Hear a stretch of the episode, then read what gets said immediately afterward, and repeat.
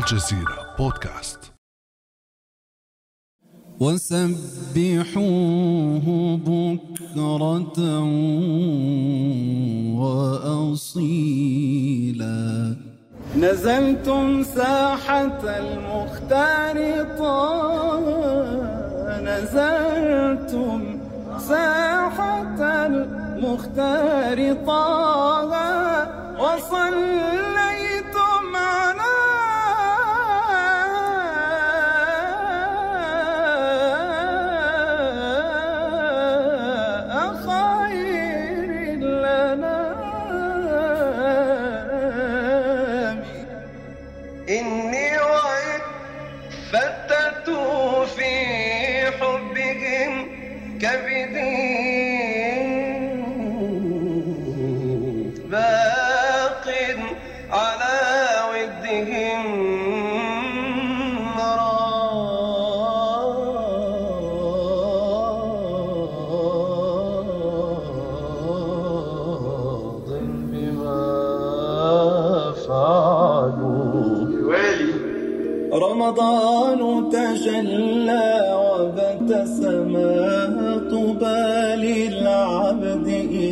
إذا اغتنما أرضى مولاه بما التزم طوبى للنفس بتقواها رمضان زمان البركات رمضان زمان الحسنات.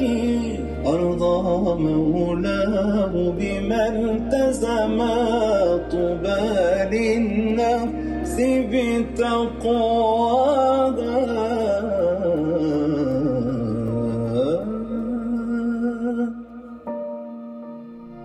بدأ التلاوة والإنشاد طفلا صغيرا فشهد له كبار المنشدين بأنه أعجوبة في الصوت والأداء. يتنقل بين المقامات الموسيقية بصوته الشجي بسهولة وانسيابية تبعث على الدهشة وتملأ المستمع بنشوة روحية آسرة.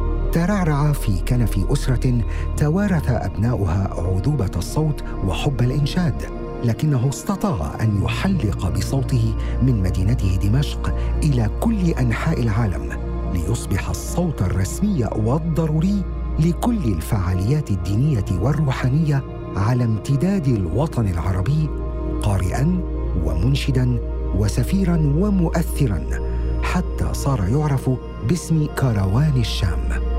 إنه عسلي الصوت قبل الاسم المقرئ والمنشد الدمشقي المعتصم بالله العسلي. أنا خالد مجذوب وهذا أثر الفراشه من الجزيرة بودكاست. أرحب بضيفي المقرئ والمنشد المعتصم بالله العسلي في هذه الحلقة الخاصة بمناسبة شهر رمضان المبارك. أهلا وسهلا بك بيننا المعتصم بالله وتقبل الله الطاعات بمناسبة شهر رمضان الكريم سعداء جدا بحضورك معنا. وأنا شخصيا أنتظر هذه الحلقة منذ زمن. وعليكم السلام ورحمة الله أستاذ خالد. يا مرحبا بك وبجمهورك الكريم عبر أثر الفراشة. وأسأل الله أن يجعلني حسن الظن بما قلت يعني وقد بالغت. الله يجزيك الخير. ابدا ما في مبالغة نهائيا. هذا قليل بيحقق أنت من أجمل الأصوات على امتداد الوطن العربي. ونحن سعيدين جدا ومحظوظين بوجود صوت بيقدم لنا قيمة ورقي بهذا الشكل. نحن رح نحكي كثير على مسيرتك لكن بنحب نبدأ بأثر الفراشة من البدايات ونتحدث شوي عن هذه المسيرة المشرقة للمعتصم بالله كثيرا ما تحدثت حضرتك عن دور وفضل والدك الشيخ محمد عارف العسلي في نشأتك أنت وإخوتك الثمانية وتعليمكم قراءة القرآن والإنشاد. طبعا أنتم أصبحتم عائلة معروفة جدا في دمشق وسوريا وبقية بلاد الشام. بنحب نسألك أكثر عن هذا الأمر أستاذ معتصم، هل هو متعلق بوراثة الصوت أم بالتربية والتوجيه أم كليهما؟ يا مرحبا. طبعا كما تفضلت يعني النشأة في ظل الوالد الكريم وهو أيضا يعني صاحب صوت نادر وخامه يعني ما شاء الله من النوع الثقيل. نعم نعم صحيح. ويعني اخذنا الصوت في الوراثة، الصوت يعني أتى في الوراثة. طبعا هو يعني في النهاية من الله لكن عبر المورثات يعني الصوتية عن طريق الوالد. فأنا وإخوتي الثمانية كلهم يعني أصوات جميلة. نعم لكن كنت سفير العائلة يعني إلى بلاد العالم. نعم. وطبعا البدايات كانت عندما نشأت في ظل كنف الوالد في المجالس وفي المحافل وفي الحفلات ويأخذني مع معه مثلا. وفي البروفات التي تحصل في البيت. نعم. فكله كان يعني أنا بالنسبة لي يعني كالمخزون الغير مباشر. يعني أنا ما كنت أتقصد مثلا هذا الشيء لكن وكأنه يعني كان معي في رأسي. يعني زي ما يقال يعني الطفل في بطن أمه أحيانا أنه لا يفقه ما يريد أن يقول لكنه يسمع. صحيح. فأنا منذ منذ الصغر وكأني أسمع لكن لا أعبر عن ذلك في صوتي. نعم. حتى يعني بدأت المسيرة. نعم. سبحان الله.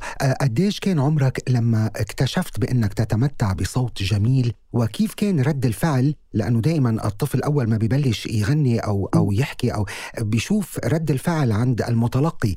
قد كان عمرك لما اكتشفت أنك تتمتع بصوت نادر واستثنائي ما شاء الله؟ الله يبارك فيك. والله أنا لا أتذكر يعني بالضبط البداية اللي عم تتفضل فيها لكن يعني أذكر أول مرة يعني أصعدني الوالد في إحدى الحفلات نعم. يعني كصغير أظن سبع سنوات أو ثمانية نعم فكنت يعني صغير فأصعدني حتى إلى الطاولة لكي يراني الجمهور أه. وبعد هذه الرؤية إلى المستشفى بعد الحفل مباشرة وكأن عين صابتني.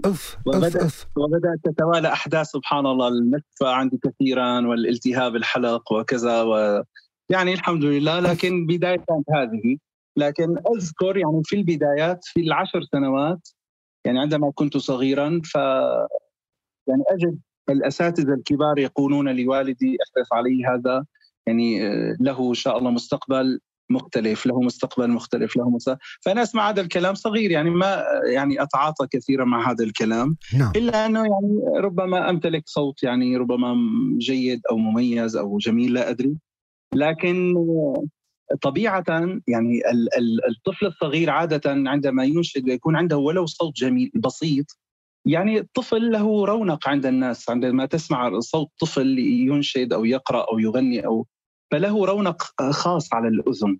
نعم. هذا لو كان عنده يمتلك قليل من الصوت لأنه طفل. فما لك يعني عندما يشهد لك كبار القوم في هذا الفعل يعني لا يقولون مثلا هذا له مستقبل يقولون ما شاء الله صوته جميل مثلا. نعم. ففي منذ الصغار كان يعني يقولون لوالدي انتبه له هذا له مستقبل له مستقبل له فقط يعني. سبحان الله تذهب الأيام ولا أدري يعني ماذا سيحصل. يعني هذا التواضع يعني بدي أقول لك إنه لا يليق بك. لأنه بمكان ما ما شاء الله تبارك الله صوتك ما بينقال عنه مجرد صوت جميل أو صوت جيد هو صوت استثنائي ما شاء الله. طب هون بحب أسألك المعتصم الموهبة الصوتية طبعا هي هبة من الله سبحانه وتعالى لكن برأيك هل الموهبة وحدها تكفي؟ أم أن التدريب ودراسة قواعد الموسيقى والأداء بشكل عام هن بيصيروا أهم من الموهبة مع الوقت؟ شو وجهة نظرك حول هذا الموضوع؟ طبعا الصوت يعني موهبة من الله فمنها كسبي ومنها وهبي يعني نعم.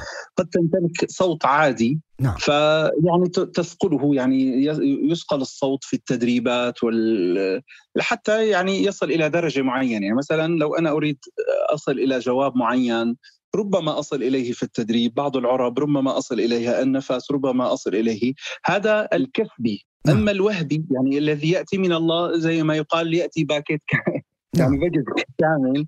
نعم. فخلص هذا هكذا من الله. وأنا أرى أني يعني من من النوع الأول لا لا أجد لنفسي يعني صنعة في هذا الأمر ابدا. إيه بس بس اسمح لي أقول لك إنه لا اللي بيسمعك ومن يدرس من درس الموسيقى مثلا أنا أخذ course music فبفهم شوي بالتكنيك. أنت عندك تكنيك رهيب. يعني ما شاء الله النفس طريقة حتى اختيارك للعرب الصوتية عندك تقنية عالية جدا في الأداء. هل هذا كمان هبة ليست مكتسبة؟ هون صرنا عم نتحدث عن شيء خارق.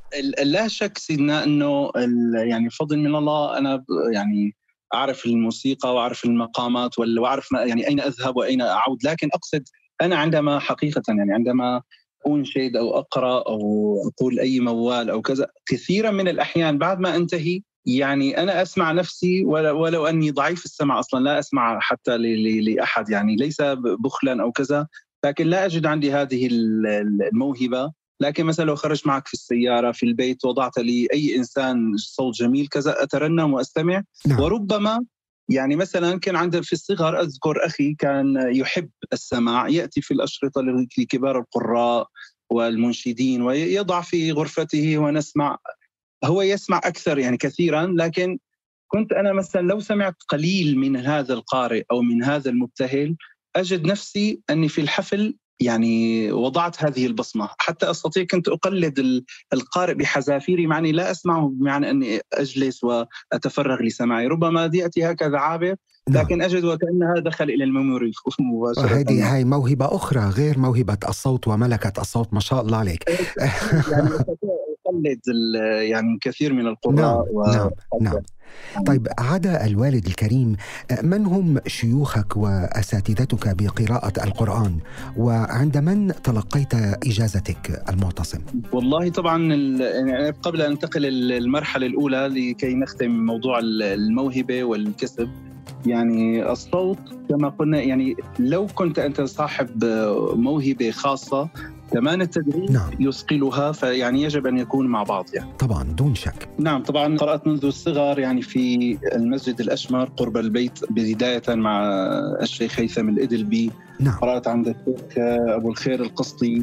نعم. وأيضا في جامعة ثريا في الميدان وكنا نذهب إلى مسجد أبي النور.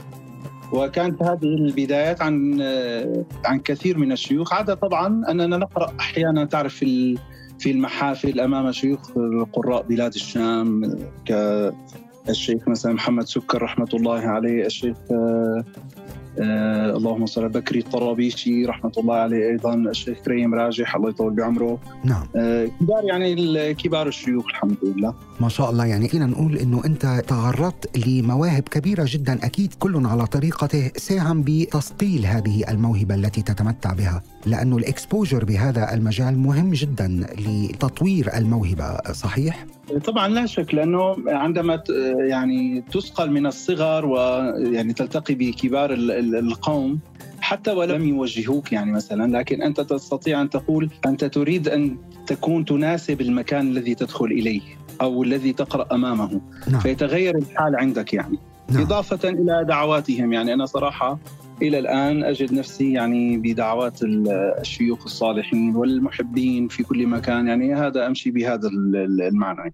جميل جدا. الحقيقة يعني استوقفني الكلام اللي كنت عم تقوله لأنه كثير من المقرئين المجازين بالسند العالي موجودون في سوريا ودمشق تحديدا. لكن بالمقابل بنلاقي بأنه الأصوات الجميلة والشجية كثيرا ما ارتبطت بمصر.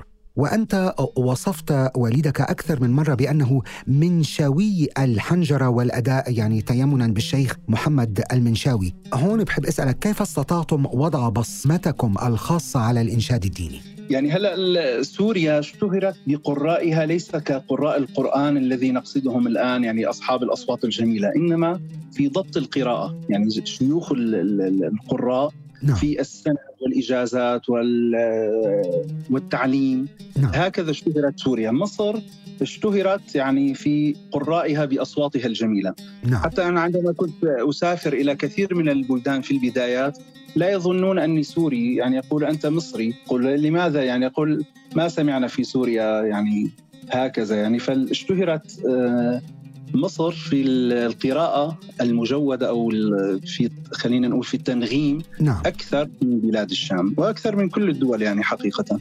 نعم نعم. فالوالد طبعا هو منشاوي الحنجرة. يعني بمعنى أنه هو طبيعة هكذا لم يتصنع ذلك. فكان أقرب إلى صوت الشيخ المنشاوي. نعم. العبد الفقير كما قلت لك يعني أنا يعني أتجو أتجول بين القراء. يعني في البداية كنت أتجول يعني لا تستطيع تقول هذا يقرأ للمنشاوي أم للشيخ مصطفى إسماعيل. وحتى كنت أقول لصديقي الآن معي الدكتور براء. فأول ما ذهبت إلى مصر يعني قرأت أمام كبار القراء فواحد يقول لي إيه الحتة دي بتاعت الشيخ فلان؟ الحتة دي بتاع الشيخ فلان. فأنا بحياتي ما سمعت أصلا ب ب يعني كنت أنا أعرف الذين أعرف وصلت إليهم فقط الشيخ المنشاوي الشيخ عبد الباسط مصطفى إسماعيل رحمهم الله. هؤلاء الذين يعني كنت أعرفهم لكن قالوا أسماء بحياتي ما سمعتها ربما يعني توافق هذا أو يعني شيء من الوجدان يشابه آه، القديم. نعم. فمن بعدها يعني حتى أني بكثير من المحافل بعدما تدر يعني تدربت واصبحت مثل ما بيقولوا ال- الخبرة موجودة بفضل الله. نعم. يعني يقول هذه قراءة معتصم. يعني معتصم نعرف إن المعتصم يقرأ وليس لفلان أو فلان يقرأ. يعني حتى من منذ قريب كنت مع الشيخ العفاسي حفظه الله فقال لي يعني أريد أن أثني إنه أنا عندما أسمعك أسمع أقول هذا معتصم العسل. تماما أقول. تماما. أنت لك بصمة خاصة فيك وحدك ومثل ما قلت أنا إذا بكون عم بسمع أي أحد بيطلع صوتك هذا صوت المعتصم بالله العسلي. لك بصمة وأسلوب والعرب اللي العرب التي تملكها ما شاء الله اللي هي عملت لي عقدة بحياتي ما شاء الله ما شاء الله. آه، هذا لوحده وأسلوب الإلقاء عندك. طبعا يختلف تماما. طب هون بحب أسألك يعني متى كانت المرة الأولى التي ظهر فيها صوتك خارج المنزل بشكل رسمي؟ يعني دعيت أو انطلب منك رسميا أن تقوم بتلاوة أو بجلسة إنشاد؟ وأي أثر تركته تلك التجربة على نفسك؟ رسميا أول ظهور لي كان على التلفزيون السوري كان عمري 11 سنة. 11 سنة هذا نعم. رسمي كان. وشاركت في مسابقة في إيران وكتبوا عنها في الجريدة آنذاك الطفل المعجزة بما معناه يعني وكذا. نعم. وهذه أول يعني سفرة كانت لي. وفي عام يعني آه، عندما كان عمري 17 سنة أيضا ذهبت مع الوالد. كنا في إيران فالتقينا أول مرة بالشيخ أبو العينين شعيشع وقال لي والدي انذاك الولد ده اعجوبه يعني دير بالك عليه نعم. من هنا يعني بدأت ال- الأحداث القديمة التي رويتها لك يعني تظهر يعني في في هذا الوقت. يعني ما كان يقوله كبار الشيوخ للوالد. ما شاء الله عليك. نعم أنت مثلت بلدك سوريا في وقت مبكر مثل ما قلت عمرك 11 سنة. ومنذ ذلك الوقت بدأت هذه المسيرة الحافلة ما شاء الله. إذا بدي أقول لك هيك تشاركني يمكن أبرز وأهم المحطات في مسيرتك حتى اليوم. يعني مثلا من أبرز الشخصيات التي قرأت أمامها أستاذ المعتصم؟ وما هو مثلا أكثر موقف شعرت به بالرهبة أو بالخوف؟ يعني سريعا مثلا بداية عندما ذهبت إلى لبنان والأردن بلاد الشام عامة يعني ذهبت إليها اولا. نعم. ومن ثم تقريبا 2004 كان عندي قناة الفجر فكنت سفيرا لل- للسوريين فيها وكنت أيضا يعني مشرف على ال- القراء السوريين لإخراجهم في هذه القناة. نعم. يعني فكان لي ختمة تقريبا مجودة ومرتلة سجلتها في في مصر كقرآن يعني وقرأت هناك في يعني أول ما التقيت من الكبار القراء الدكتور أحمد نعينه حفظه الله في لبنان وسمعني أول مرة يعني ألتقي به. ويقول كمان يعني فكنا في السيارة يريد أن يسمع في الفندق يريد أن يسمع ويضرب كف على كف. فانا في البداية كنت أخاف. يعني أقول ربما يكون هو مزعوج أو شيء أنا يعني أغلط أو كذا. نعم. حتى عندما ذهبت إلى مصر أخذني إلى بيت الشيخ أبو العينين شعيشة رحمه الله وهو أظن أنه تقريبا من آخر الحقبة الماضية يعني نعم. وكبار القراء. نعم. أبو العينين شعيشة الذين يعني من طبقة عبد الباسط الحقبة الذهبية. كما يسمونها. نعم. أيوه ف- أيضا في بيته قال أنا جايب الود ده يسمعك حتة نعم. فأنا بقول وهو يضرب برضه كف على كف وأنا أقول وقفت يعني قلت عفوا في شيء يعني. لا لا لا لا لا, لا, لا. قال لي هو في كده؟ قلت له والله في مليان سيدنا يعني موجود كثير يعني. قال لا أنا ما سمعت كده يعني ابني. فأكملت يعني فكان هذا الخوف. طبعا وقرأت عدة محافل رسمية أمام كثير يعني من المحافل الرسمية والرؤساء وكذا. يعني. نعم. وبعدين برزت من مسابقة منشد الشارقة في 2006 نعم. وطبعا قبلها كان يعني عندنا بعض الحلقات في التلفزيون السوري آنذاك يعني. نعم. طب بالمقابل ما هي أغرب الأماكن أو المواقف التي قرأت بها القرآن؟ يعني أنا قرأت مثلا في بعض الكنائس في أوروبا. جميل قرأت جدا و- وفي كثير من المحافل يعني بعض المشاهد كان في سويسرا. نعم. فكان محفل يعني كبير وأحضرت عدة قراء من أنحاء البلدان نعم فسبحان الله في الخلف يعني امرأة غير غير مسلمة نعم. سويسرية يعني فتبكي فيقولون يعني ماذا تبكي؟ قالت ابني فوق في القاعة الثانية يتعلم الموسيقى وأنا كنت أتمنى أن يقرأ زي هذا القارئ يعني كثير ارتحت لي يعني ما أدري ماذا يقول لكن أنا يعني كثير شعرت شيء في داخلي يعني كبير يعني. ما شاء الله عليك. آه، فعلا هو جميل جدا فكرة أنه شو كانت مناسبة أن تقوم بالإنشاد والتلاوة من داخل كنيسة؟ هل هي كانت يعني مناسبة ما قمت فيها حضرتك بالإنشاد؟ هلأ أحيانا ندعى في كثير من الأحيان في في أوروبا مثلا بمناسبات آه، نقولها يعني أنها عالمية أو عامة. يعني نعم. والإسلام طبعا هو للعالمين وليس خاصة لأناس يعني صحيح. القران عالمي هو لغته عالمية والإنشاد أيضا هو فن من فنون العالم فاحيانا نحضر حفلات متنوعة نعم. لمسلمين وغير مسلمين كل يؤدي دوره وكل يؤدي ثقافته وهكذا يعني صحيح. حضرتك كثيرا ما قرأت القرآن أمام أشخاص أو جموع لا يجيدون العربية. ونحن هون بنقول دائما أنه الموسيقى يمكن هي الأداة الوحيدة التي تتجاوز حاجز اللغة. لكن ما نعم. هو دور الصوت في إيصال روحانية القرآن وجماله على المتلقي حتى وإن كان لا يفهم اللغة؟ من من تجربتك الشخصية. على تجربتي الشخصية في القرآن آه، سبحان في تلاوة القرآن يعني لغير الذين لا يجيدون العربية. يعني تجد ربما أنشد ربما لكن عندما نقرأ القرآن يختلف الشيء يشعرون بشيء مختلف.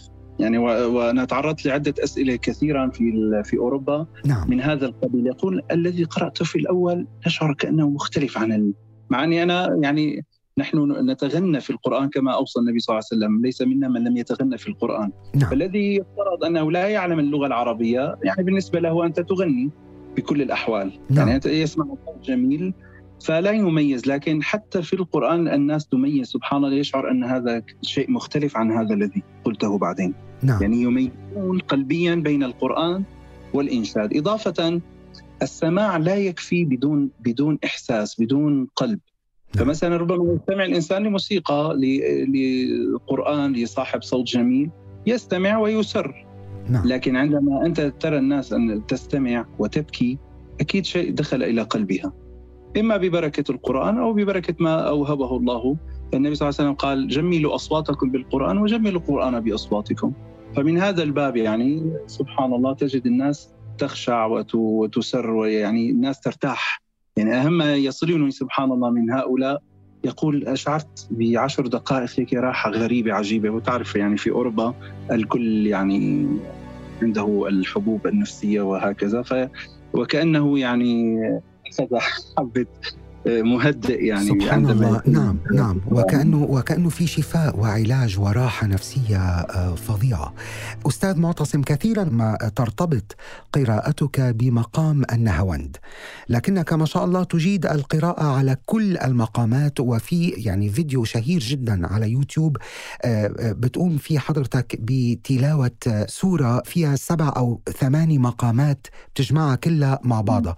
ممكن لو سمحت نستأذن منك ونسمع مقطع صغير منها بمقامات مختلفة؟ كان عندي برنامج تعليم المقامات في القرآن الكريم. نعم. وكنت أحتار يعني يريدون شارة للبرنامج. ماذا نفعل؟ ماذا نصنع؟ طبعا بعدين ما اعتمدوها لكن آه، كنت أفكر بشيء يعني يجمع هذه الفكرة. فسبحان الله خرج معي ولأول مرة يعني. بس ما سمعت يعني حتى قبل إنه جمع المقامات يستطيع يعني أحد أنه في آية قلت صعب يعني في التفكير الأول قلت صعب يعني هذا لا يعني ما بيصير ما لا يمكن يعني. نعم. فسبحان الله بدأت أول قلت أبدأ بسورة اقرأ بما أنه هو برنامج قرآني. نعم. بدات وجدت نفسي يعني وصلت تقريبا خمس مقامات بعدين قلت ربما أستطيع السادس ربما السابع ربما الثامن فالحمد لله يعني استطعت إنه أن يأتوا الثمانية في نفس واحد. يعني لكن الآن في هذه اللحظة لا أدري سأجرب. اقرأ باسم ربك الذي خلق. خلق الإنسان من علق. اقرأ وربك ربك الأكرم الذي علم بالقلم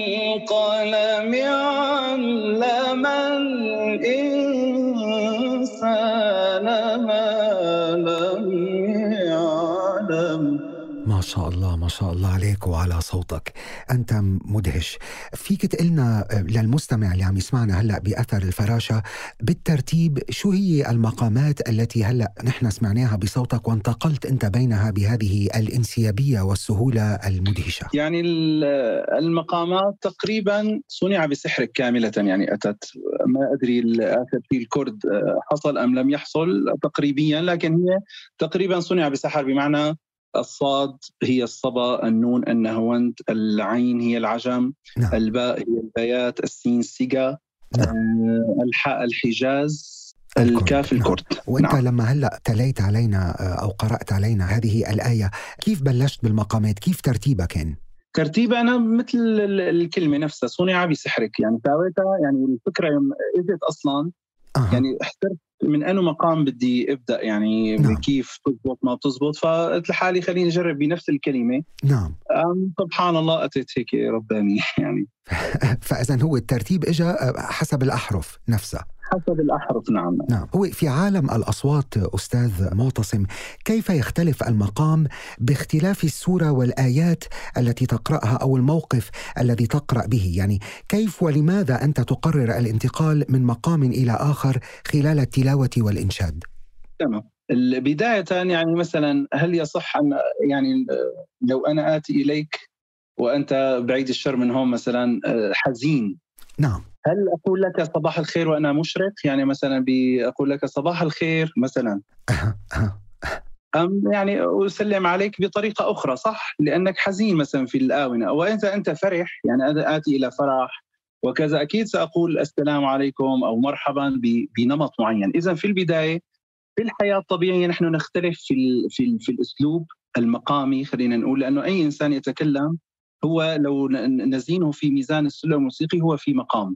نعم. يعني الآن نحن نتكلم لو يجي أستاذ موسيقي بيقول لك أنت الآن عم تحكي بمقام كذا وبمقام كذا. أها. اذا في في الحياة يعني المقامات اليوميه تختلف النبرة بداية النبرة الصوتية تختلف. نعم. فيبدأ هنا مع النبرة ال- ال- النغم الذي يساعدك على توصيف الحالة التي أنت فيها.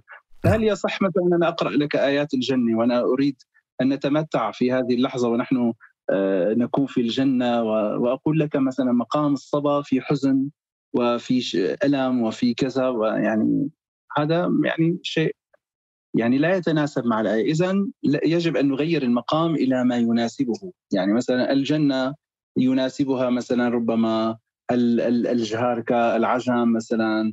حتى لو البيات لكن بالنبرة تختلف، الأسلوب يختلف، يعني أنا أستطيع مثلا ال- ال- الصبا مثلا هو حزين. لكن في عالم مثلا التلحين كثيرا ما لحنوا بلحن آه، فرحي. فرح يعني- نعم نعم. يعني ال- الناس ربما تفرح بهذا النغم عنه صبا. اذا النبرة أو طريقة الأداء اختلفت في المقام. اذا عندنا مقام حزين وأسلوب حزين. فيختلف هذا باختلاف الآية. طبعا لا شك يعني عندما يكون آية فيها تقريع وفيها أوامر ونهي لا أقولها ب- بنمط حزين أو بمقام خلينا نقول آه، لطيف أو شيء أو لا نتكلم عن حروب أو شيء يختلف كل كل آية لها يعني معيار في المقامات. جميل جدا. نحن نتلقى الحقيقة درس استثنائي من صوت استثنائي. من قراءة القرآن إلى الإنشاد هل يفرض عليك كونك قارئا للقرآن معايير أو شخصية مختلفة عن بقية المنشدين؟ يعني كيف تستطيع حضرتك تحقيق التوازن في هذا الأمر؟ طبعا ال- البداية لأنه كانت بين القراءة والإنشاد والوالد أصلا هو قارئ ومنشد نعم. فجمع يعني جمعت الأسرة بين ال- ال- الطرفين في لكن كمقام و خلينا نقول صوتيا كثير من القراء القدامى آه، تخصصوا لماذا؟ لأنهم يعني لم يتمكنوا من أداء الإنشاد نعم. فتجد مثلا أحيانا منشد قوي جدا لكن إذا قرأ القرآن يكون ضعيف أو بالعكس فلذلك وجد ال- ال- ال- القراء رحمه الله المصريين التخصص أفضل فتجد هذا امتاز في الإنشاد هذا امتاز في القرآن قليل أو يكاد لا يظهر أحد يعد على الأصابع من تمكن من من من, من الطرفين. فبفضل الله مثلا مثلا أنا لو وجهني إنسان قال أنت ضعيف في القرآن لتركت هذا المجال. نعم. ولو قال لي أحدهم أنت ضعيف الإنشاد لتركت هذا المتخصص فقط في في تلاوة القرآن. نعم. لكن عندما أذهب إلى أهل التخصص في القرآن يقول ما شاء الله، وعندما أذهب إلى التخصص في الإنشاد فيقول ما شاء الله، فأجمع بين ما شاء الحسنين. الله فعلا نعم أنا مثلا عندما أذهب إلى حفل أصلا في أوروبا أو في غيرها أكون يعني هن بيجيبوني اثنين بواحد.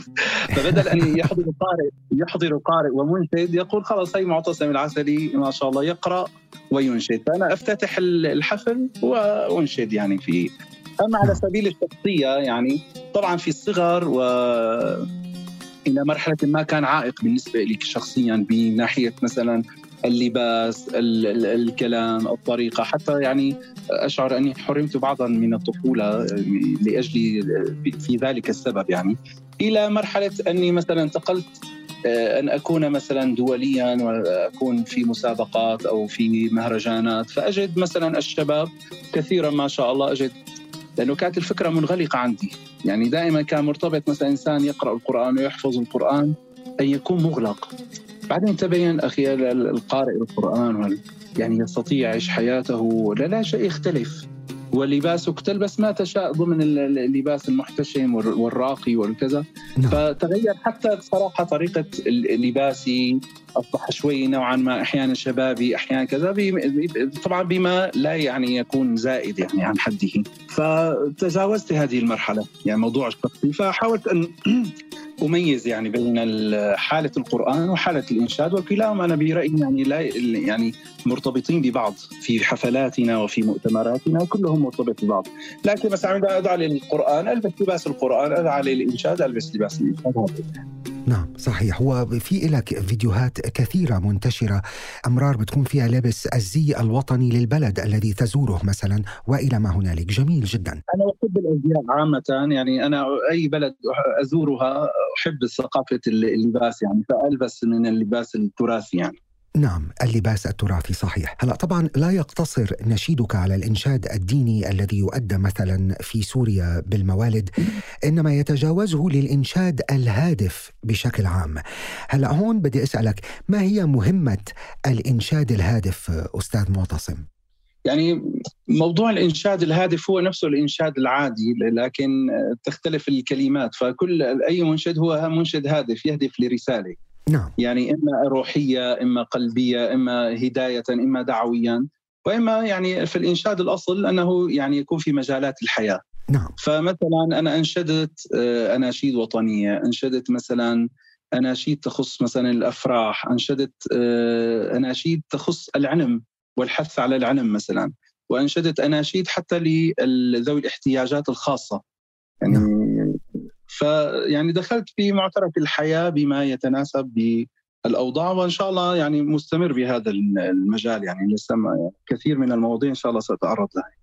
جميل جدا ما شاء الله عليك. قد ما بيكونوا يعني اللي المستمعين لإلك بيكونوا بحالة من النشوة الروحية كما قلت سابقا. في فيديو مثلا شهير لإلك أعتقد أنك كنت ترتدي لباسا آه، مش عارف إذا كان عماني أو مغربي بس أنت كنت بجلسة بين أصدقائك وعم بتغني من دون موسيقى وهو يعني من أعذب ما سمعت بحياتي. طبعا عربك القاتلة آه، يعني المدهشة. وشي مثل ما عودوني أحبائي مقاطعة. كنت عم تغني؟ نعم. هون نعم. ب... شو اسم هذه القصيدة فينا نسميها اللي كنت أنت عم تغنيها؟ والله هذا ال- القصيدة آه، هم الأحبة إن جاروا وإن عدلوا. نعم. فسبحان الله كنت في زيارة لأصدقائي كان عندهم مسابقة في في الشارقة. نعم بالشارقة. فدخلت نعم.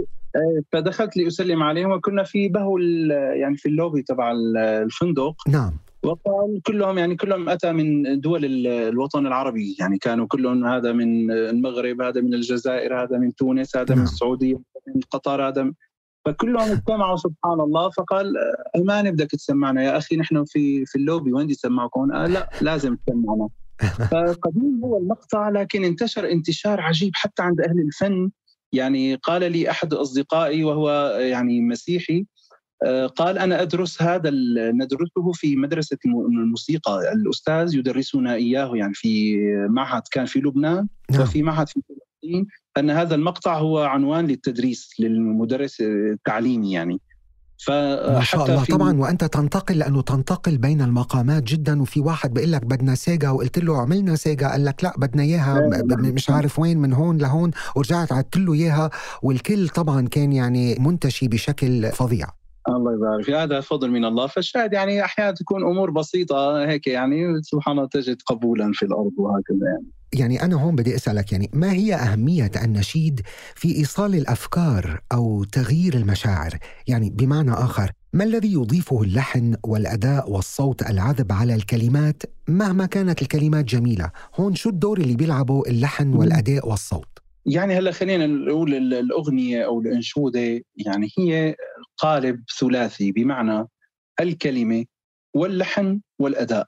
نعم. أي نقص من هؤلاء ينق- ينقص من من قوة ال- ال- الأنشودة يعني أو الأغنية. فمثلا لو كانت الكلمات ضعيفة واللحن يعني قوي والأداء ضعيف يعني ما ما ما تجد لها قبولا أو وصولا حتى إلى أذن المستمع فضلا أن تكون إلى قلبه. نعم. لكن عندما تستمع الكلام ال- ال- الراقي العذب ولحن راقي وأداء راقي فأكيد يعني تصل إلى القلوب وتريح النفس وتمتع الأذن وتطرب بها الروح.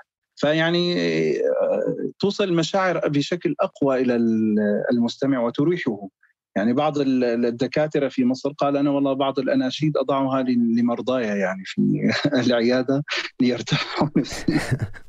وفعلا نحن هلأ بدنا نحكي عن هذا الموضوع. لاحقا أنا في سؤال بدي أطرحه عليك لأنه نحن بنعرف اليوم بعلم النفس الحديث اليوم الموسيقى يتم استخدامها في العلاج النفسي لأنه اكتشفوا بأنه الموسيقى وبعض الأصوات الجميلة هي تساهم في العلاج، رح نوصل لهذا الموضوع بس قبل بدي أسألك عن إذا عندك شاعر مفضل أو شعراء بتحب إنك تتغنى بقصائدهم، فيك تشاركنا مثلا بعض الشعراء اللي بتحب إنك أنت تقرأ لهم أو تغني لهم؟ والله طبعا البركة في ال- ال- الشعراء ال- الحديثين يعني ولا شك يعني لهم بصمات ولهم يعني يمتازون بعضهم أن يعني تعطيه الموضوع فيكتب لك على الموضوع. نعم. لكن سبحان الله أنا لا أجد كالكلام القديم وكلام أهل القوم يعني السابقين.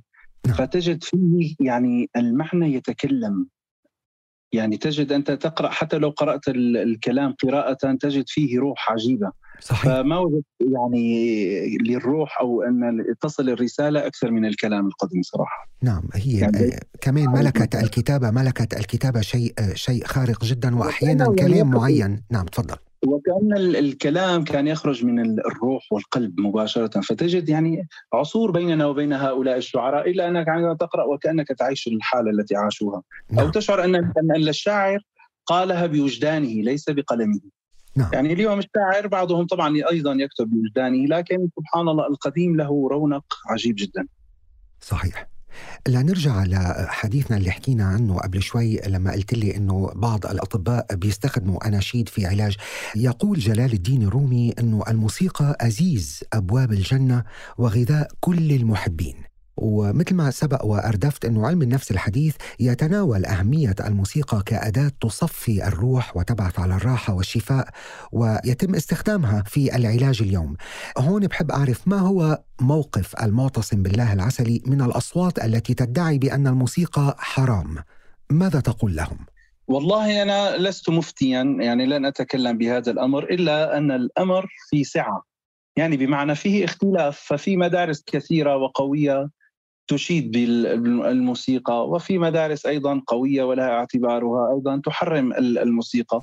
نعم. كما هناك اختلاف بين الفقهاء في كثير من الأحكام ال- ال- الأصلية يعني أو ال- الفرضية مثلا زي مثلا الإمام ال- الحنفي والشافعي بين لمس الامرأة مثلا. في اختلاف كبير يعني أنت تصلي ب- على مذهب كأنك تصلي بوضوء والآخر بلا وضوء. نعم. ومع ذلك في اختلاف. اذا اختلاف هذا الاختلاف يعني إن شاء الله الإنسان لا يأثم عليه طالما فيه مصادر قوية وفيه إسناد يعني من كبار مثلا الشيوخ والعلماء. اذا أنت تختار ما يتناسب وما لا يضر يعني. كما قال مثلا الإمام الغزالي من لم يحركه الربيع وأزهاره والعود وأوتاره فهو فاسد المزاج مثلا. هذا قول نعم. قد يخالفه الكثير لكن أيضا هذا الإمام يعني في عصره ليس شخص عادي. فأنا لا أتكلم عن مجتهدين اليوم خرجوا. هي مسألة أصلا الموسيقى قديمة جدا. وأنا أقول دائما في النقاشات هذه مسألة ليس نحن اختلفنا فيها. اختلف فيها من مئات السنين في نفس المشكلة ولا أحد ينتصر على أحد. اذا كل يأخذ ما يريحه وما يتناسب معه. و... ويعني كما قيل ما استخدم في الحلال فهو حلال. جميل جدا وبعتقد الرسالة وصلت. أستاذ معتصم يزخر العالم الإسلامي بالعديد من الأصوات المميزة والرنانة التي تشدو بالأناشيد والابتهالات والتواشيح الدينية. ورغم أن بعض أصحاب هذه الأصوات فارقوا الحياة لكن أصواتهم لا تزال حاضرة تجسد روعة ونقاء فن الإنشاد الديني. بحب أسألك هون من الأصوات التي تعجبك شخصيا ولمن تستمع أكثر من غيره؟ أنا صراحة استفدت لك يعني إني آه، ضعيف يعني ما ضعيف الاستماع. لكن يعني عندما كنت صغيرا مثلا كان نستمع مثلا أبو رشيد الخانطماني كان هذا من عمالقة الفن والإنشاد مثلا هو الأصل حلبي لكن كان يجلس في الشام. نعم. وأذكر أني حضرت له وتمنيت أن أقول لكن بعضهم ما خلاني يعني أقول قال هذا وين بدك تقول قدامه بيخوف هذا إذا واحد ما عجبه يعني ربما بيضربه يعني إنه هو شيخ الكار نعم. لكن أنا كنت أحب يعني أن أنشد أنا أستمتع عندما أنشد أمام أساتذة كما أستمتع بهم نعم. يعني كما أستمتع بصوتهم كمان أحب أن أقول أمامهم يعني نعم. فكثير من هذه الأصوات مثلا كان عندنا الأستاذ حسن حفار مثلا في دمشق مثلا كان مثلا الوالد سليمان داوود توفيق المنجد عبد الوهاب أبو حرب مثلا. كان طبعا أستاذنا الأستاذ زهير منيني هو اللي أعطانا كثير من الألحان رحمه الله. وهو تقريبا يعد فريد في عصره في التلحين الإنشاد الديني. نعم. واعطائه قالبا خاصا يعني في في في عصره من 20 سنة. نعم. فكان أول من كان يلحن الألحان الراقية والعظيمة للمنشدين. وكان مثلا بدأت أنا عندما كنت طفلا مع الشيخ سليم العقاد وهو أيضا من كبار القراء والمنشدين في دمشق فأذكر عندما بدأت معه كان عمري 13 عام أو 14 أو أصغر ما أدري فكنت في البيت فهو يتصل يريد أحد من إخوتي يعني يقول الوالد أسعفني أريد أحد. قال والله ما عندي غير هذا الولد في البيت يعني صغير لكن يعني ما أدري. قال معلش ولو يعني هكذا يعني ولو شو يعني شوية يساعدني. فذهبت معه أول مرة على أساس يوم واحد أذهب يعني أنا أقرأ قال تعال بكرة. رد قال تعال بكرة. نعم. وبدأت قال اصبح يتصل بي. فهو أنا بالنسبة لي يعني هو المنبع خاص كان لي في الإنشاد و يعني تقمصت شخصيته حتى في في الصغر بداية عملت معه تقريبا خمس سنوات. نعم. وكان يعني مفعما بالأشياء القديمة والأداء المحترف يعني نعم. وطبعا لكن وضعت بعدين البصمة الخاصة يعني بحيث كما قلنا إنه يكون إنسان له بصمته الخاصة يعني صحيح يعني قبل ما نقفل هيدا المحور وعودة إلى موضوع المقامات أنت قلت بأنه مقامك المفضل هو النهاوند. بحب ليفهموا عليك المستمعين أكثر لماذا تحب هذا المقام أكثر من غيره وأي مقامات أخرى غير النهاوند تحب التلاوة بها؟ يعني النهاوند اخبرتك اني أحبه لأنه فيه شجن فيه عاطفة. نعم. أشعر أنه يصل إلى القلوب. أداؤه جميل جدا. حتى وأنت تؤديه في في توسع في بالنسبة لي يعني في موضوع العرب وكذا أجد نفسي يعني ألعب دورا كبيرا فيه في موضوع العرب والانتقالات بين الجواب والقرار والطبقة الوسطى والتحويلات أيضا إلى المقامات الاخرى أن وأرجع له في نفس الطبقة فأجد راحة نفسية فيه وراحة أدائية. نعم ولكني أحب كل المقامات والحمد لله يعني بفضل الله وجدت كل المقامات يعني الرصد والكورد والعجم وال لكن لكل مقام مقال. لكل مقام مقال فعلا. ما هو أصعب المقامات أستاذ معتصم؟ من تجربتك الشخصية؟ هلا في كثير طبعا من المقامات الفرعية يعني صعبة. نعم. والدليل إنه ما لحن لها كثيرا. يعني مثلا عندك البيات الشوري مثلا المقام البستنيكار مثلا نعم. النكريز. ففي مقامات ربما يصعب حتى للمؤدي لو يقول موال أن يقفل بها. نعم. يعني مثلا نحن عندنا العادة يقول الإنسان موال ويجب أن يختم شيء يتناسب مع الموشح ال- القادم. نعم. فيبدأ يهيئ له إما في الطبقة أو في المقام. فربما تقول لانسان أعطيني مثلا النكريز فربما سيجلس عشر دقائق أو ربع ساعة ليأخذ آه، طريق الدار دوار الأمويين ليرجع ولا يعرف أن يصل. طبعا محترف يعني. نعم. لكنه صعب بشكل عام هذه ال- ال- الأمور الشرعية يعني. طيب أرجوك قبل ما ننتقل للمحور الأخير من حديثنا الرائع معك بدنا نسمعنا شيء على مقام النهاوند موشح أو موال على ذوقك أنا كتير بحب الموال اللي سمعتك بتأديه آه، والله ما طلعت شمس ولا غربت أو إذا ممكن مقطع من الموشح أو القصيدة اللي كنت عم تغنيها مع الأصدقاء في بهو الفندق على ذوقك لو سمحت يعني تقصد الموال ولا الانشوده اللي هي قلت لما؟ أو والله ما طلعت اللي بدك اياه أنا اللي أنت بدك إياه آه، هيك على مقام النهاوند علشان اللي عم يسمعنا يسمع هلأ مقام النهاوند بصوتك الشجي. والله ما طلعت شمس ولا غربت إلا وذكرك مقرون بأنفاسي. الله. والله ما طلعت شمس ولا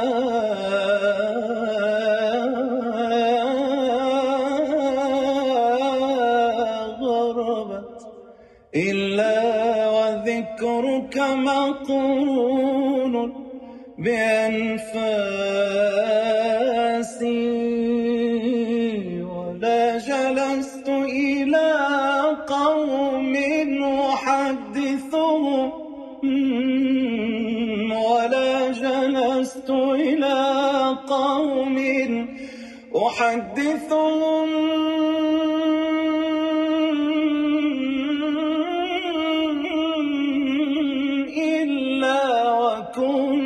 حديثي بين جلاسي. الله الله واو.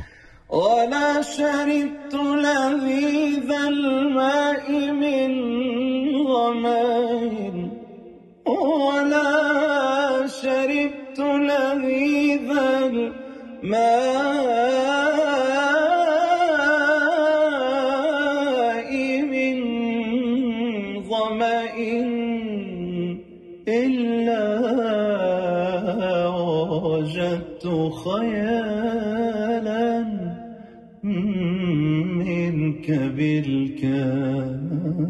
بالكاس ما شاء الله ما شاء الله. يعني مش عارف هو بيفقد الواحد القدرة على الكلام. أنا بقدر أسمعك آه، كل الليل. يعني إلى الغد وأنت عم تغني ما شاء الله بهذه الحنجرة الذهبية وهذا الأداء المتمكن المذهل. يعني تقشعر الأبدان صراحة على هذه الموهبة الاستثنائية. أستاذ معتصم أنت خرجت من سوريا ولم تستطع العودة إليها إلى دمشق للأسف. كيف استطعت البدء من جديد في البلدان الجديدة التي انتقلت إليها؟ ومنحب نعرف منك ما هي أبرز التحديات أو الصعوبات التي واجهتك خلال هذه الرحلة يعني؟ يعني طبعا خرج كما خرج ال- الكثير في ظل ال- الحرب في سوريا. نعم. وطبعا يعني كان عندي مخزون بمعنى أن الناس في محبين كثير في حول العالم بداية يعني خارج سوريا. فكان في مخزون آه، أحباب وفي مخزون متابعين وجمهور و فعندما خرجت إلى ال- الأردن بداية أيضا يعني كان في استقطاب آه، وكنت أثناء كان عندي يعني سفر إلى ماليزيا فسافرت لوحدي وبعدها سافرت إلى دبي وجلست فيها تقريبا أربع سنوات أو خمس سنوات وكان عندي أنشطة عديدة مثلا كانت في آه، دبي والشارقة وبرامج تلفزيونية كثيرة يعني كانت نعم. إضافة إلى الحفلات التي كنت أقيمها يعني من حفلات الزفاف أو المناسبات الأخرى وطبعا أسافر إلى أوروبا وأرجع أسافر إلى أوروبا إلى إن شاء الله وذهبت آه، بعدها إلى الدنمارك. كان عندي حفل هناك وبعدها استقريت في آه، سويسرا. وكانت تحديات هي الأسرة أكثر شيء. يعني كان بالنسبة لي التحديات خارج سوريا هي أسرتي. نعم. يعني تعرف الواحد أينما ذهب تكون معه زوجته وأولاده. نعم. ف يعني بقيت تقريبا سنة ونصف دون أسرتي فهذا كان أكبر آه، عائق عندي. نعم. آه، والتحدي بالنسبة للفن يعني كان عندي أيضا في سويسرا لأني كنت في عالم آخر. يعني أنا عندما تعرفت في سويسرا كان عندي أصدقاء من العرب لكن الأكثر بدأت من الصفر. يعني وكأني قلت لنفسي لا يجب أن أبدأ وكأني لست معروفا ابدا. نعم. حتى أتأقلم. وإلا كنت أمرض نفسيا. يعني أنت تكون في بلدك معروف ومشهور وأمورك كلها ممتازة وفجأة ت- ترجع من الصفر. نعم. فبدأت يعني حتى مع الإخوة ال- ال- كان عندي أصدقاء من الألبان من الأتراك من البوسنيين. بدأت من الصفر وكأني غير معروف. بدأنا بدأنا بدأنا. اصبحتنا ن- ندخل إلى الحفلات ال- ال- الكبيرة نعم. عند البوسنيين عند الأتراك. فبدأت الأنشطة تعود وبدأ ال- الحمد لله الاسم. فالذي يعرفك من جديد يرجع إلى تاريخك ويجد ما شاء الله هذا يعني الأخ معروف نعم. مسبقا. نعم. لكن بالنسبة له أنا الآن تعرف عليك. وأصبح عندي حفلات أيضا خارج يعني خارج سويسرا بعيدا عن أيضا فقط ليس فقط الدول الأوروبية. أيضا أذهب إلى البوسنة إلى الألبان يعني إلى بلادهم إلى تركيا مثلا. نعم. أذهب من خلال الجالية التي تتواجد كانت في في سويسرا. فكان عائق شوي صعب لكن الحمد لله بفضل الله تجاوزته يعني و يعني يعني هناك أنت ما. شاء الله عليك متسلح بالموهبة هذه الموهبة الربانية الخارقة. فطبعا إن شاء الله أمام هكذا موهبة تنفتح كل الطرق وبتتسهل بما أننا في أثر الفراشة نتحدث عن المؤثرين. فأنت أستاذ المعتصم تؤثر بشكل وأسلوب مختلف عن كل الذين التقيناهم في حلقات سابقة. هذه الحلقة استثنائية بالنسبة لي.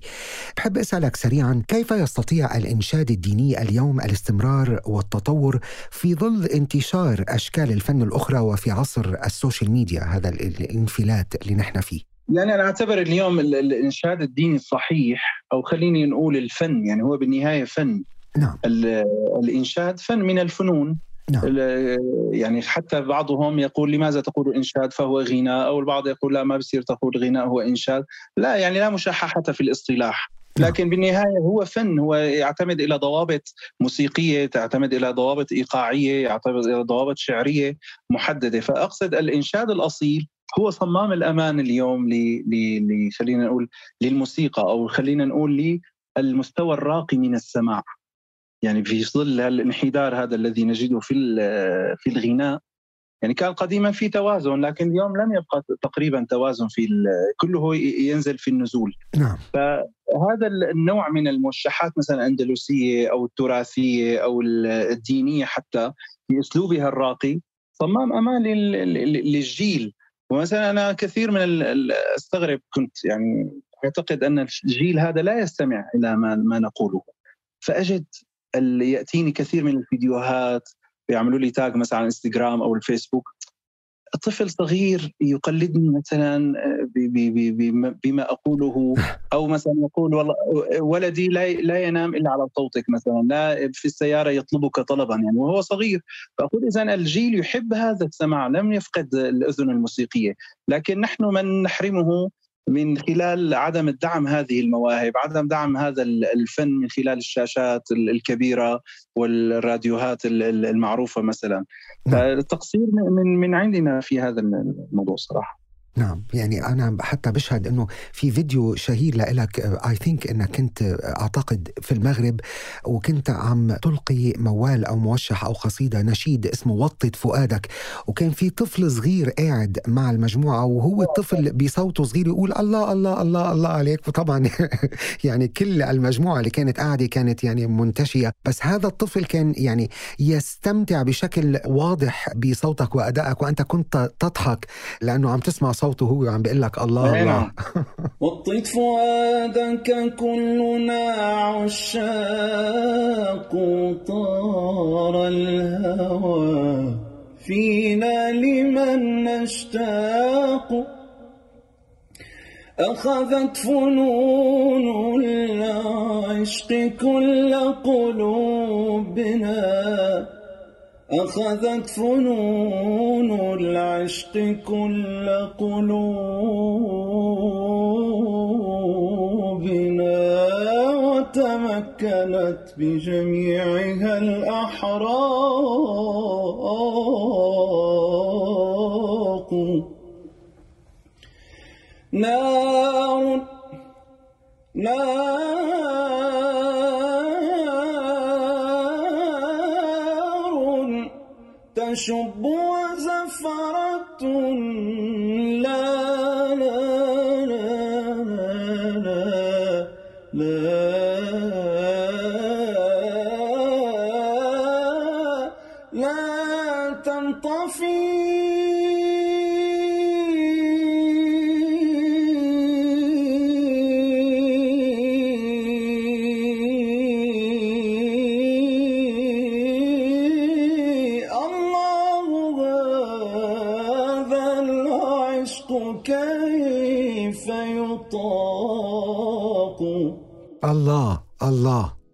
فالشاهد إنه يعني له تأثير يعني الصوت سيدنا الجميل لا ينكر يعني أنت أقول لهم إذا إذا اليوم نستمع إلى أصوات غريبة عجيبة لا يعني لا تسمع نعم. وربما لها متابعين، هل يعقل أن الصوت الجميل يعني فسدت ل- لهذه الدرجة؟ لا أنا أقول لم لم تفسد الاذواق، إنما نحن ال- ال- القنوات التي يعني توصل لهذا المعنى ربما تكون أنشط من هذه القنوات التي توصل إلى المعنى الراقي مع نعم. الأسف فقط. للأسف للأسف ويجب بمكان ما نحن علينا أن نقوم بمجهود مضاعف لأنه أنت تهذب الأذن وتشفي الأذن من الضوضاء والضجيج نحن نتكلم يعني بما يعني يصفو به تصفو به الروح ويتناسب مع المشاكل اليوم النفسية التي يعاني منها المجتمع أو الأخلاقية. فأنت يعني تبث فيهم روح ال ال ال ال الأخلاق وروح ال- ال- المحبة والأنس وال- والطرب. حتى يعني نحن عندنا رسالة مزدوجة طرب ومعنى يعني مغنى ومعنى مع بعض. نعم نعم. نعم. بحلقتنا دائما في سؤال بنسأله لكل ضيوف أثر الفراشة وهو سؤال بنحب الإجابة تطلع يعني الإجابة تكون عفوية عليه إذا كان باستطاعتك يا أستاذ المعتصم أن تغير شيئا واحدا في العالم ماذا تغير؟ يعني أنا أميل إلى أن ننشر المحبة والسلام والله الناس تحب بعضها البعض نعم. فعندها يصلح هذا الكون نعم فقط كل شيء بالمحبة يصبح أجمل. وأفضل وأرقى بكل. الأحوال. شكرا جزيلا تحياتي لك. والله يحفظك ويخليك شكرا مع السلامة الله. لا تنسى تفعيل جرس الاشتراك لتصلك حلقات البرنامج اولا بأول وإذا أعجبتك الحلقة لا تنسى مشاركتها مع من تحب أنا خالد مجذوب وهذا أثر الفراشة كتابة وتحرير خالد مجذوب كوثر أبو سعدة محمد حمد محمود النجار عبيدة غضبان. تصميم الصوت ميشيل بوداغر فريق التواصل والتفاعل أحمد حسن سامي الجزيري.